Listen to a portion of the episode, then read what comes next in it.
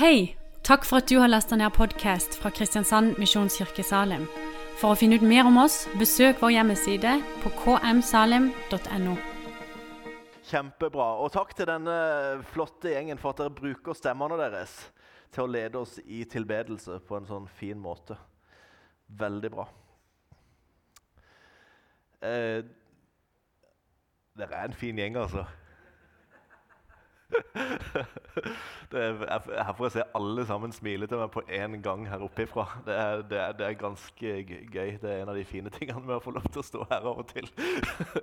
Her får jeg se for en, for en flott gjeng vi er en del av. Eh, veldig, veldig bra. Men la oss gå rett inn i det vi skulle. Kan jeg få på denne eh, powerpointen på sida her?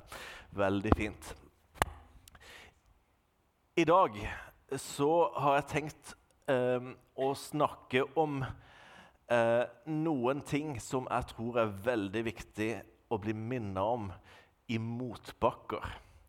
Og mange vet at det finnes noen motbakker i livet.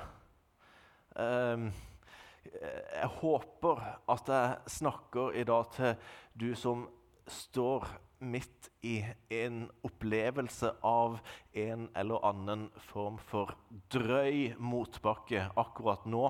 Kanskje du lurer på hvordan du skal nå toppen av den eh, og komme deg over. Eh, hva som skal til.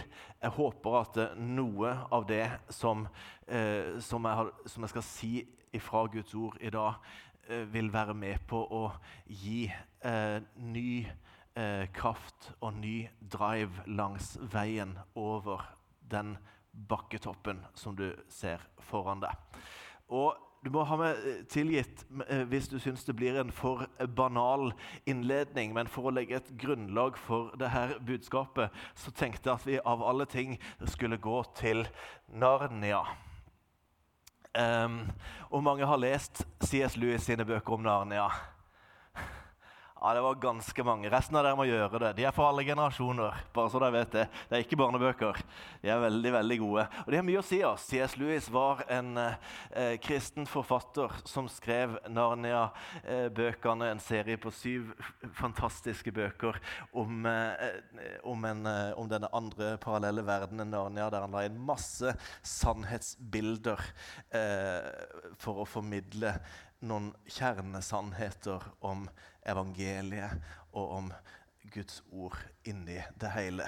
Eh, og I boka om løven, heksa og klesskapet, som det bildet er henta fra filmen av, så, har, så er det altså tre barn som har snubla gjennom et klesskap og inn i en annen verden. Eh, havna i, på et sted de aldri tenkte at livet ville ta dem. Eh, og, og, og, og, så er det attpåtil et sted der det har vært vinter i 100 år, og ingen kan si de når våren skal komme.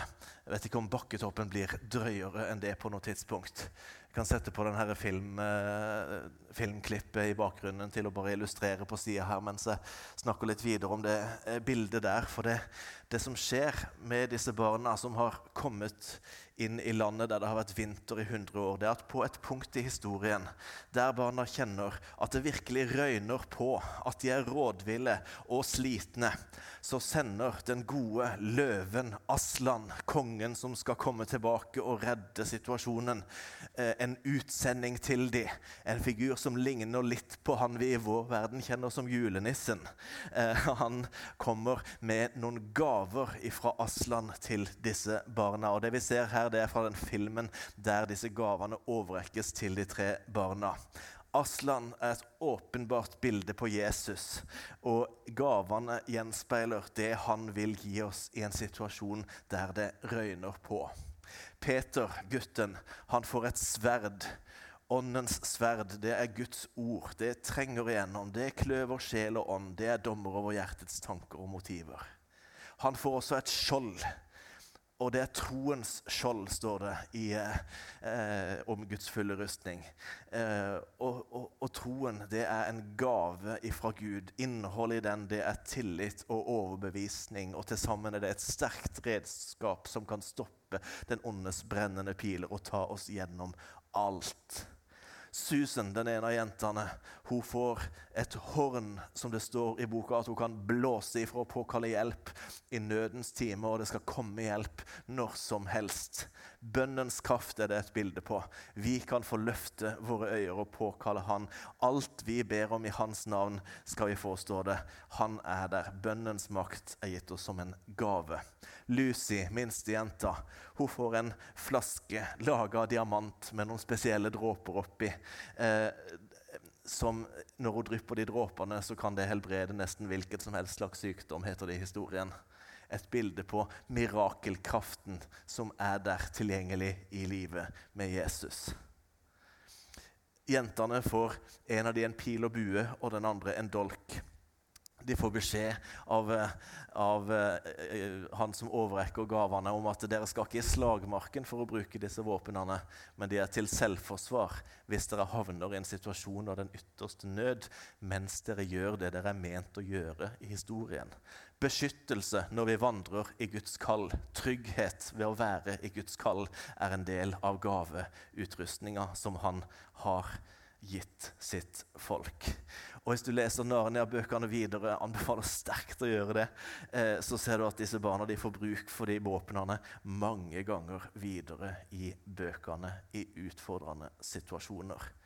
Og Poenget med å ta fram dette her, det er selvfølgelig bare å få sagt det at Gud har noen gaver som han vil skal hjelpe oss igjennom når det røyner på. Jeg tror på det at eh, ved eh, tro, ved Guds ord, ved bønn, ved hans kraft og under hans beskyttelse, er alt mulig. De gavene gjelder for oss også. Det er fint. Men så er det sånn at uh, hvor mange vet at uh, selv om vi er klar over den gavepakka som jeg nettopp skildra med litt hjelp fra CS Lewis, så er det likevel sånn at det kan røyne på ordentlig når livet går i oppoverbakke. Eh, det er ingen automatikk i at fordi vi vet at dette er tilgjengelig for oss, så går det på skinner, og alt er så lettvint eh, og, og, og greit. Vi kan ha noen forvirrede øyeblikk likevel. Og nå skal vi hoppe inn i den bibelteksten som skal danne grunnlaget for resten av denne talen. Og det handler om eh, det som skjer i apostelgjerningene 1, om Jesu himmelfart. Der møter vi en disippelgjeng som er midt i et sånt ordentlig forvirra øyeblikk. Et øyeblikk der, de, der, det røyner på såpass, og de er så, eh, så, så forvirra over situasjonen de står i, at de, de, er i grunnen bare blitt stående og måpe. Sånn at de får dette spørsmålet fra noen engler. Hvorfor står dere bare og stirrer opp mot himmelen? Har du vært i en situasjon der du bare har lyst til å bare stå og stirre opp mot himmelen? Vet ikke hva annet du skal gjøre? Eh, mange har det. La oss lese eh, teksten fra eh, apostelgjerningene 1, vers 8-11. Vi tar de versene. Sammenhengen er det at eh, Jesus har møtt dem eh, en siste gang før han skal stige opp til himmelen. De, han, de er de er i slutten av en samtale der gjengen med disipler har stilt han spørsmål om de siste tider og hva som skal skje, og, og Jesus har svart dem litt om hva som skal skje videre. Og så går vi inn i teksten der Jesus kommer til det som er hovedpoenget hans, rett før han går opp til himmelen. Jesus sier til dem at Men dere skal få kraft når Den hellige ånd kommer over dere. Og dere skal være vitner om meg i Jerusalem, i hele Judea og Samaria og helt til jordens ende. Og da han hadde sagt dette, ble han tatt opp mens de så på, og en sky til å komme ut av syne.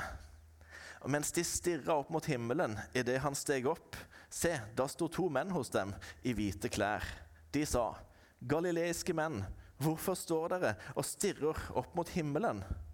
Den samme Jesus som ble tatt opp fra dere til himmelen, skal komme igjen på samme måte som dere så ham fare opp til himmelen. Hvorfor står dere og stirrer opp mot himmelen?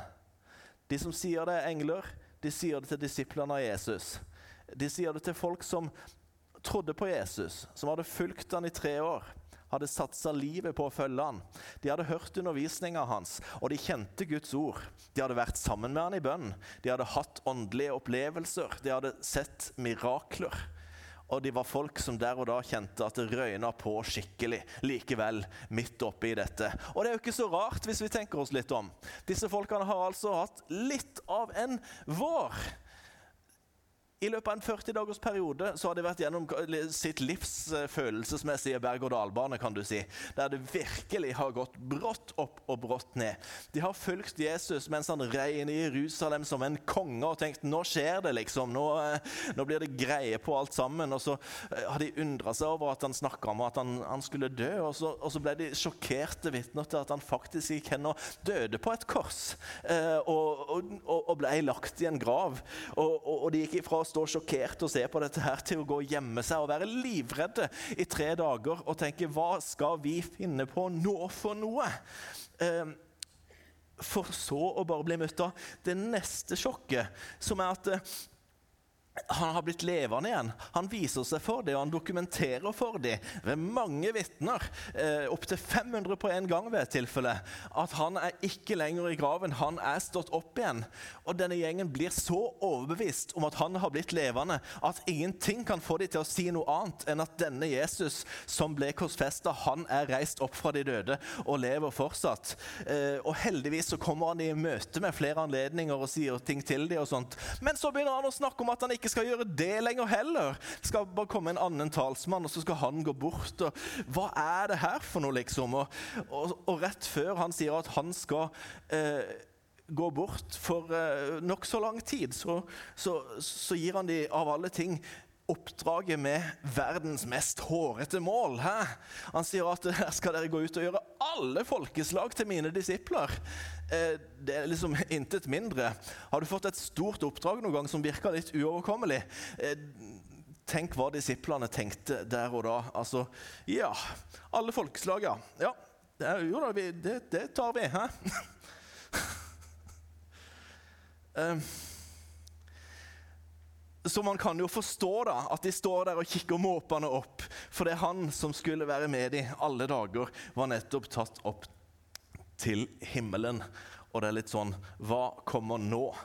Eh, toppen av eh, oppoverbakken så jo ikke ut til å være nådd akkurat, kan du si. Men englene de spør jo retorisk om dette her. Det er jo ikke sånn at de lurer på hvorfor de står og kikker opp mot himmelen budskapet de sier til disiplene her, det er at dere trenger jo ikke å være rådville, perplekse og handlingslamma, selv om situasjonen er tøff og dere ikke ser alt nå. Eh, det som historien her lærer oss, det er at det kan røyne på. Selv om du har fått frelsens gave, selv om troen har blitt levende, selv om du har Guds ord som rettesnor, du har erfart Guds kraft, åndens kraft, og du har sett noe av dybdene i bønn, så kan du likevel være ved et punkt der det røyner på, og man lurer på hvordan skal man komme gjennom.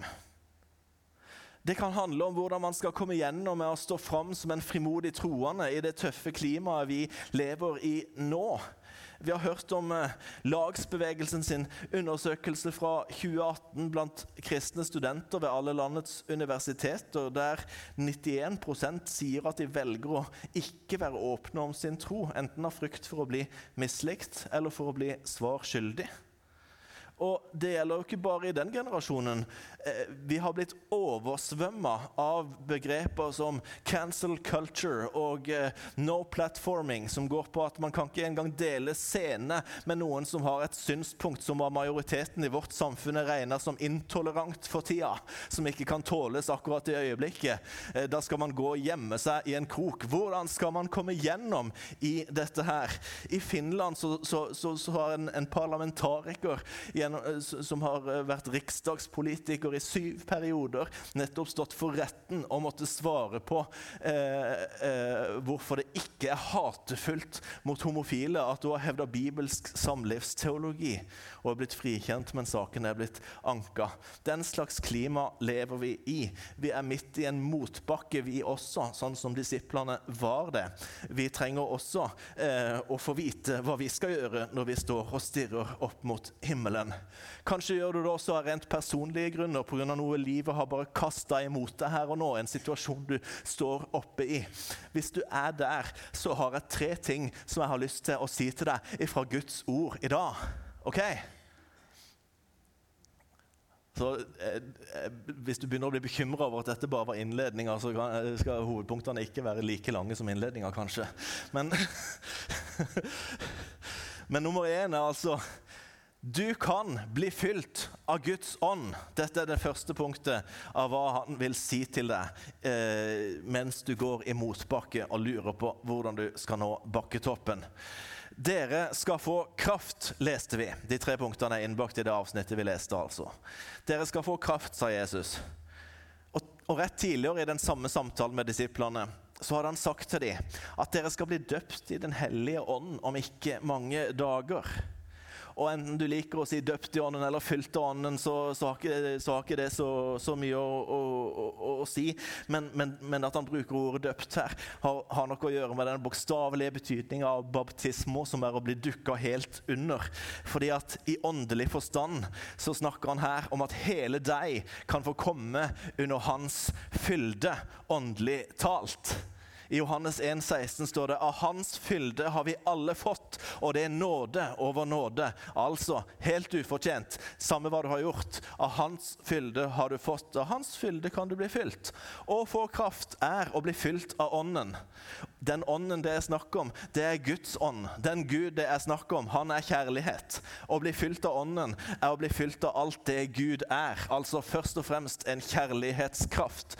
Han er der for å møte deg på nytt igjen og gi deg den forfriskninga du trenger midt i den motbakken du står i. Du kan søke han, og du skal finne han.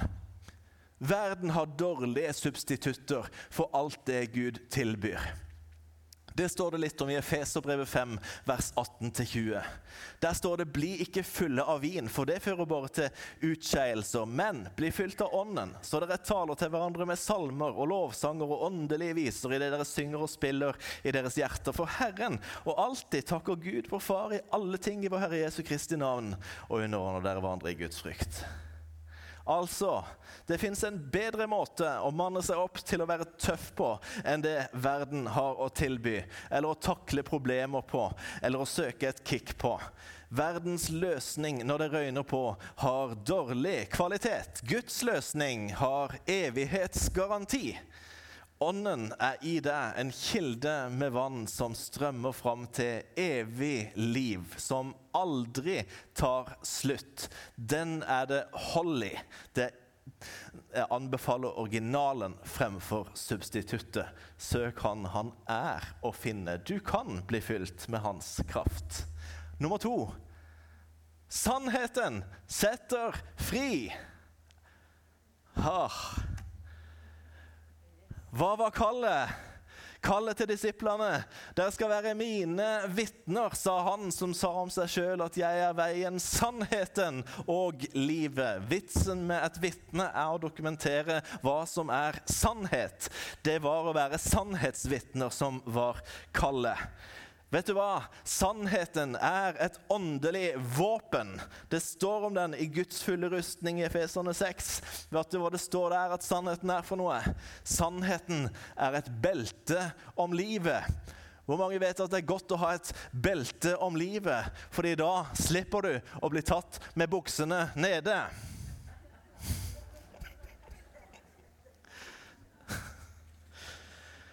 Du unngår mange situasjoner ved å holde deg til sannhet. Og Jesus han sa sjøl dere skal kjenne sannheten, og sannheten skal sette dere fri. Vet du hva? Løgn binder deg opp. Det forplikter deg på å leve opp til en fasade av et eller annet. Og det vikler deg inn i et nett som man må forsvare seinere. Jesus han er sannheten.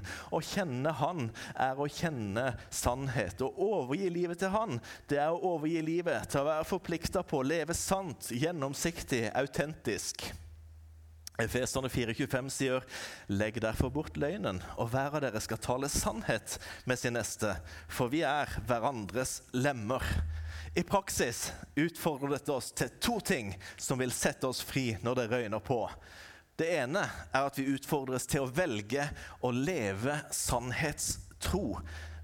Til å være sann mot deg sjøl om hvordan ting er.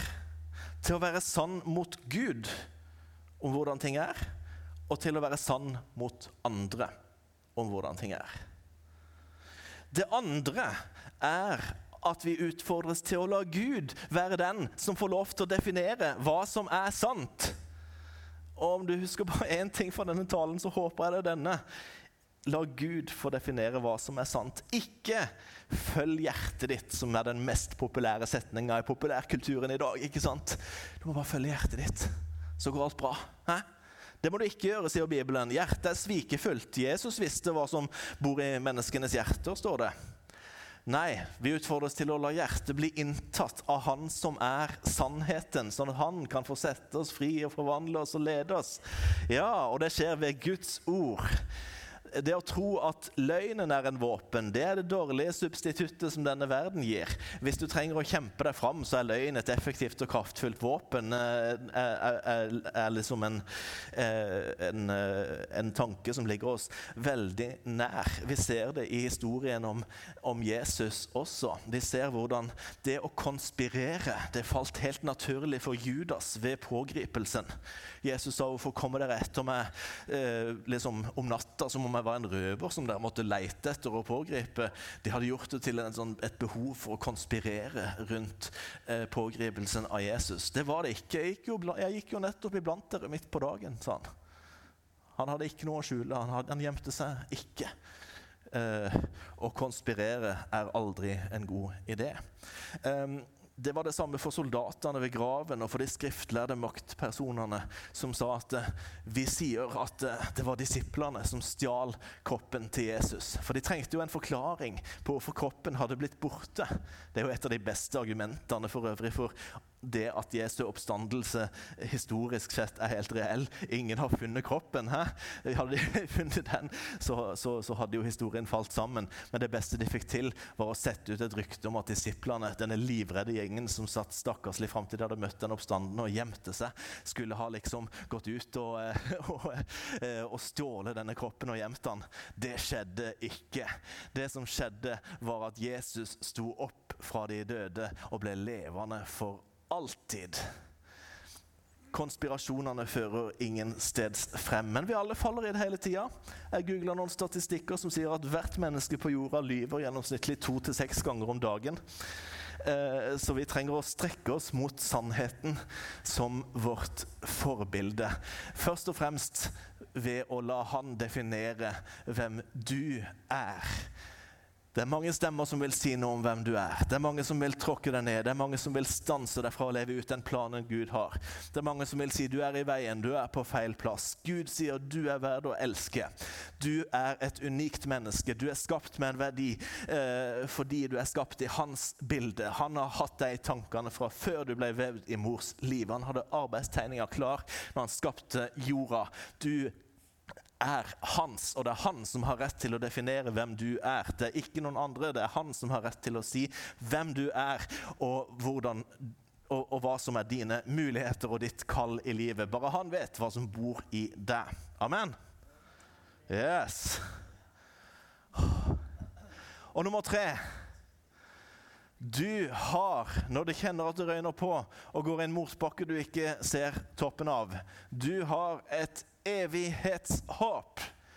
Hva var det engelen minna om når han snakker til eh, disiplene som sto og stirra opp mot himmelen? Han sa Jesus som gikk opp, han skal også komme igjen en gang. Det kommer en ny tidsalder. Jesus han kom for å gi evig liv, og den evige tidsalder kommer. Vi har håpet om evigheten. Det må være med i ligninga når vi spør etter rettferdighet i alle livets situasjoner, sånn som det er her og nå. Til sammen så, eh, så blir Gud ingen noe skyldig. Til sammen så, så, så innbyr han oss til en evighet i fellesskap med Han. Eh, det var jo derfor han kom. For så høyt har Gud elska verden, at han ga sønnen sin, den eneste, for at hver den som tror på han, ikke skal gå fortapt, men ha evig liv. Derfor kan vi leve som i 2. Korinterbrev 4,18, der det står at vi retter ikke blikket på de synlige ting, men på de usynlige. For de synlige ting er forgjengelige, men de usynlige, de er evige. Verdens dårlige substitutt på dette punktet, det er at du må ha en bucketlist, noe du skal oppnå før dette livet er over. Og det er alt. Hvis du har gjort den, så er det greit. Sånn er det ikke. Ja, vi skal omfavne livet, glede oss over Guds gaver. Vi skal få lov til å være livsnytere, tror jeg også er bibelsk. Men vi skal vite at dagen i dag er ikke alt. Historien eh, eh, eh slutter ikke når vi forlater denne planeten. Den fortsetter etter innledningskapitlet her på jorda. Så skal vi få lov til å være med Han for alltid. Det må være med oss i perspektivet vårt i motbakkene, i oppoverbakkene. Og det forteller oss samtidig en ting til. Hvis vi skulle bli bekymra for at vi skal oppfylle eh, alle slags visjoner og alle slags eh, ting han måtte ha eh, lagt deg på hjertet Du er ikke det første kapittelet i Guds historie her på denne jorda, og du er ikke det siste kapittelet i Guds historie på denne jorda. Men du er ett kapittel i Guds historie. Det skal du få lov til å fylle. Blir det, blir det 'to be continued' som blir slutten på det kapittelet, så blir det 'continued' i neste generasjon. For Guds historie fortsetter også når du har fylt din brikke. Det er frigjørende, og det er godt å vite når det røyner på og livet går i oppoverbakke. Var det greit? Ja. Å, så fint. Vet du hva? På plakaten eh, så har det stått at jeg skulle snakke om at vekkelseshistorien viser vei. Jeg har ikke akkurat gjort det da vi begynte i Narnia. Det var jo litt fjernt ifra vekkelseshistorien. Men vi skal avslutningsvis hoppe inn der. Så kan jeg forsvare at jeg har holdt meg litt til temaet. Nei da. Det har med saken å gjøre. Um, vi har en sky av vitner bak oss, står det om i Bibelen, som har gått foran oss, som har vist vei. Eh, eh og etter 2000 års kirkehistorie så kan vi også se bakover på noen av de som har gått foran oss i historien. Og det er vi inne i et modus i Salem der vi skal gjøre de neste søndagene. Og det første lille innblikket i det, det kommer her nå som avslutninga på denne talen. Eh, Ignatius av Antiokia. Det er dårlig med fotografier fra den tida han levde på, siden han var født i år 37. Men eh, eh, noen har eh, hatt en formening om at han kan ha sett sånn ut. Så det kan han jo ha gjort, for alt jeg vet. Men vi skal altså hoppe tilbake til Oldkirka i noen få minutter mot slutten her. Eh, til den andre generasjonen kristne denne karen her var født i byen Antiokia. Det er der vi leser i apostelgjerningene 11 om den første vekkelsen som noen gang skjedde blant ikke-jøder. Eh, det var der disiplene først ble kalt kristne, står det også. Eh, Herrens hånd var med dem, slik at mange kom til tro og vendte om til Herren, skriver Lukas. Og det var sånn i den første menighetens tid at Paulus tjente der lenge og rapporterte dit fra misjonsreisene sine også. Så det var et viktig vekkelsessenter. Og denne karen her, han løp altså rundt og var med i barnekirka mens Paulus drev og dro på eh, misjonsreiser. Hæ? um, Midt i dette så vokste eh, Ignatius eh, opp. og Han ble en toneangivende, viktig leder i den andre generasjonen av den kristne menigheten. Hans erfaring av Guds kraft og nærvær eh, illustreres ved at han fikk tilnavnet Theoforos. Det var det de brukte å kalle han som kallenavn. Det betyr 'den som bærer Gud med seg'. Eh, og eh, Han skrev noen, eh, noen, brev som han etterlot seg, som selvsagt ikke er den type brev som inngår i Bibelen som Guds ord, men som er interessante for å få et innblikk i hva type forkynnelse de drev med i den andre generasjonen av den kristne menighet. Eh, og I sitt brev til efeserne så, så skrev Ignatius om eh, nøkkelen til det å erfare åndens fylde og eh, nærværet hans. da. Og han skrev om at det handla om å prioritere fellesskapet der man søker Gud sammen. Jeg siterer. Legg da vind på å komme enda oftere sammen til Guds nattverd og lovprisning. For når dere kommer ofte sammen, blir Satans maktgjerninger tilintetgjort, og hans ødeleggende påvirkning brytes ned gjennom deres samstemmighet i troen. Ingenting er bedre enn en fred som gjør ende på enhver krig, både i himmelen og på jorden. Good preaching, hæ? Ja. Han levde i tøffe tider. Han levde det meste av sitt voksne liv under keiser Domitian i Romerriket, som drev harde forfølgelser mot de kristne. Og så endelig, i år 96, når han var en godt voksen mann, så, så ble det ro. Og kanskje det, nå, kanskje det nå skulle bli enkle tider, kan man kanskje ha tenkt. Men det varte bare i to år før keiser Trajan kom på banen med nye ordre og beordra alle å bøye seg for romerske avguder.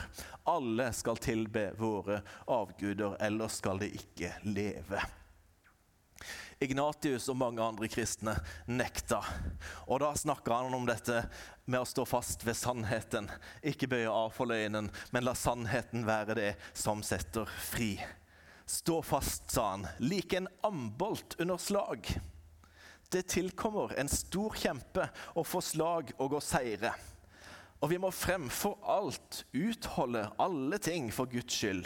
Vis enda større iver enn hittil, og lær tidene å kjenne, skrev Ignatius til Polykarp i ca. år 106 etter Kristus. Og Han var også kjent for å ha sagt det sømmer seg altså å ikke bare kalles kristne, men også å være det. Altså leve ut sannheten. Og disse tingene det skrev Ignatius mens han var på vei mot Roma, arrestert for å bli kasta til løvene. Det var straffen for å nekte avgudsdyrkelsen.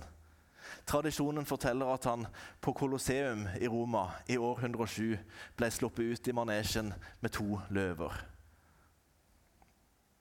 Da gikk han, da gikk han rett imot dem, og så ble han drept i løpet av kort tid. I forkant så trygla han sine etterfølgere om å ikke kjempe for at han skulle frifinnes. For han var overbevist om at hans kall var utført, og, han, og nå var det å bli martyr. I brevet til menigheten i Roma så skrev han det er bedre for meg å dø og være på vei til Jesus Kristus enn å ha kongemakt til jordas ender. Han var trygg på at han hadde fullført løpet. Han hadde det usynlige for øyet. Han hadde evighetsperspektivet over livet. Så vi skal få lov til, når oppoverbakkene kommer i våre liv, så skal vi få lov til å vite du kan bli fylt av Ånden. Du kan komme til Han, erfare Hans nærvær. Du kan få ny styrke. Vi skal få vite det er sannheten som setter fri. Det er ingen lettvinte, løgnaktige løsninger som er bedre og raskere vei over bakketoppen. Sannheten vil sette deg fri, og det er Gud som definerer sannheten om hvem Han er, om hvem du er, og hva du skal gjøre i ditt liv. Og du finner det i Guds ord. Og du kan også vite når det røyner på og du er på vei over bakketoppen, evighetsperspektivet må være med i ligninga. En dag skal vi alle framfor Han og starte festen som aldri tar slutt. Yes! Det var det jeg hadde på hjertet for i dag. Eh, jeg håper du sitter igjen med at noe av dette taler til deg og, og, og, og berører deg. Og hvis du gjør det, så, så, vil jeg bare sterkt oppfordre til å, til å bare la Gud få få jobbe i deg utover i, i, dette møtet også. Fra dette øyeblikket så åpner bønnerommet bak der for forbønn, sånn at når vi synger sammen og møtet fortsetter etterpå, så er det mulig å eh, gå eh, bak til bønnerommet der og inn der. Så er det forbedere klare som vil be inn hvis du kjenner at du trenger å bli fylt på nytt igjen, eller at det er noen andre deler av dette som du ønsker forbønn inn i, eller det er noe helt annet som ligger deg på hjertet, som du vil at noen skal be til Gud sammen med deg for, så er det anledning til det. Jeg oppfordrer deg til å bare bruke den anledninga. Det er ikke sånn at det må være ytterste nød, sånn som var formuleringa i Narnia. Kanskje er du i ytterste nød, da kan du iallfall komme. Opplever du at egentlig er det litt nød, så kan det være at det er måten din å sette ord på at Gud har rørt ved noe i dag som han vil fortsette å virke inn i. Gi han rom for det. Det kan du gjøre ved å bli bedt for. Du kan også gjøre det ved å være der du sitter, og bare være innenfor han og la han få røre ved deg og jobbe videre med det. Jeg bare oppfordrer til å bare slippe han løs i livet, for det er det beste man kan gjøre.